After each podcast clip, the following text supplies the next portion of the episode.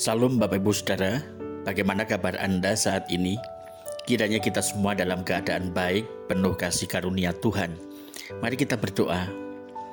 Tuhan Yesus kami bersyukur di tengah dunia yang penuh pencobaan ini, Engkau memelihara kami sehingga kami dapat menanggungnya. Dalam nama Tuhan Yesus kami bersyukur. Amin. Kita akan membaca dan merenungkan firman Tuhan dari kitab surat Paulus kepada jemaat Korintus 1 Korintus pasal 10 ayat 13 berkata demikian Pencobaan-pencobaan yang kamu alami ialah pencobaan-pencobaan biasa yang tidak melebihi kekuatan manusia. Sebab Allah setia dan karena itu ia tidak akan membiarkan kamu dicobai melampaui kekuatanmu pada waktu kamu dicobai, Ia akan memberikan kepadamu jalan keluar sehingga kamu dapat menanggungnya. Tidak goyah oleh pencobaan. Kita sering mendengar orang Kristen menderita berbagai kesulitan oleh karena imannya, dipersulit naik jabatan, diperkusi, dibully, dan lain sebagainya oleh karena dia adalah seorang pengikut Kristus. Hal ini sudah begitu sering kita dengar di sekitar kehidupan kita, yang katanya menjunjung tinggi toleransi.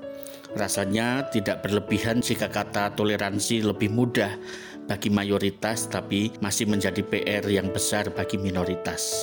Bacaan kita hari ini mengingatkan akan hal ini. Paulus menasihati jemaat Korintus supaya mereka hidup di bawah otoritas Allah di pasal 10 ini Paulus lebih fokus pada masalah bahaya penyembahan berhala yang sangat dilarang oleh iman Kristen.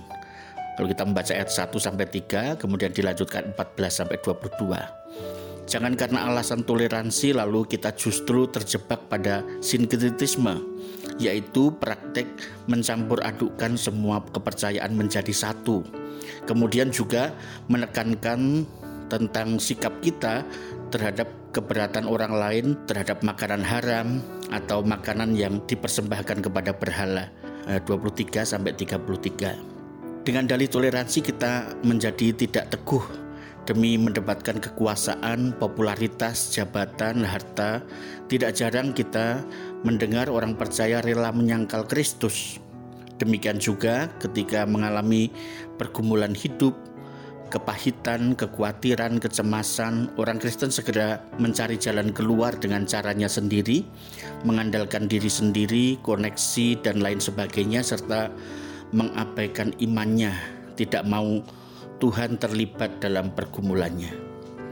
Rasul Paulus mengingatkan jemaat Korintus supaya tetap teguh di tengah begitu banyak pencobaan yang menghadang kehidupan iman mereka Jemaat Korintus seperti berada di persimpangan. Masyarakat lain hidup dengan penyembahan berhala dan amoral, sementara mereka harus hidup dengan cara Kristus memberi teladan kepada mereka. Paulus meneguhkan mereka dan mendorong supaya mereka terus memelihara iman yang juga sudah dihidupi oleh nenek moyang mereka di masa Perjanjian Lama Berbagai pencobaan yang menghadang dapat mereka lalui oleh karena Tuhan Allah menyertai mereka dan memberi kemenangan. Memang ada sebagian dari mereka yang jatuh dan binasa, tetapi rencana Allah atas mereka tidak pernah gagal. Nah, saudaraku, bagaimana dengan kehidupan kita? Apakah saat ini Anda sedang menghadapi pencobaan iman? Jangan goyah Perhatikanlah para pendahulu kita yang telah melewati berbagai pencobaan, mereka menang oleh karena Tuhan beserta mereka. Dan saat ini, ketika Anda menghadapi pencobaan iman, Tuhan Yesus juga sedang menyertai saudara. Berserahlah pada Tuhan dan tetaplah harapkan pertolongannya. Mari kita berdoa.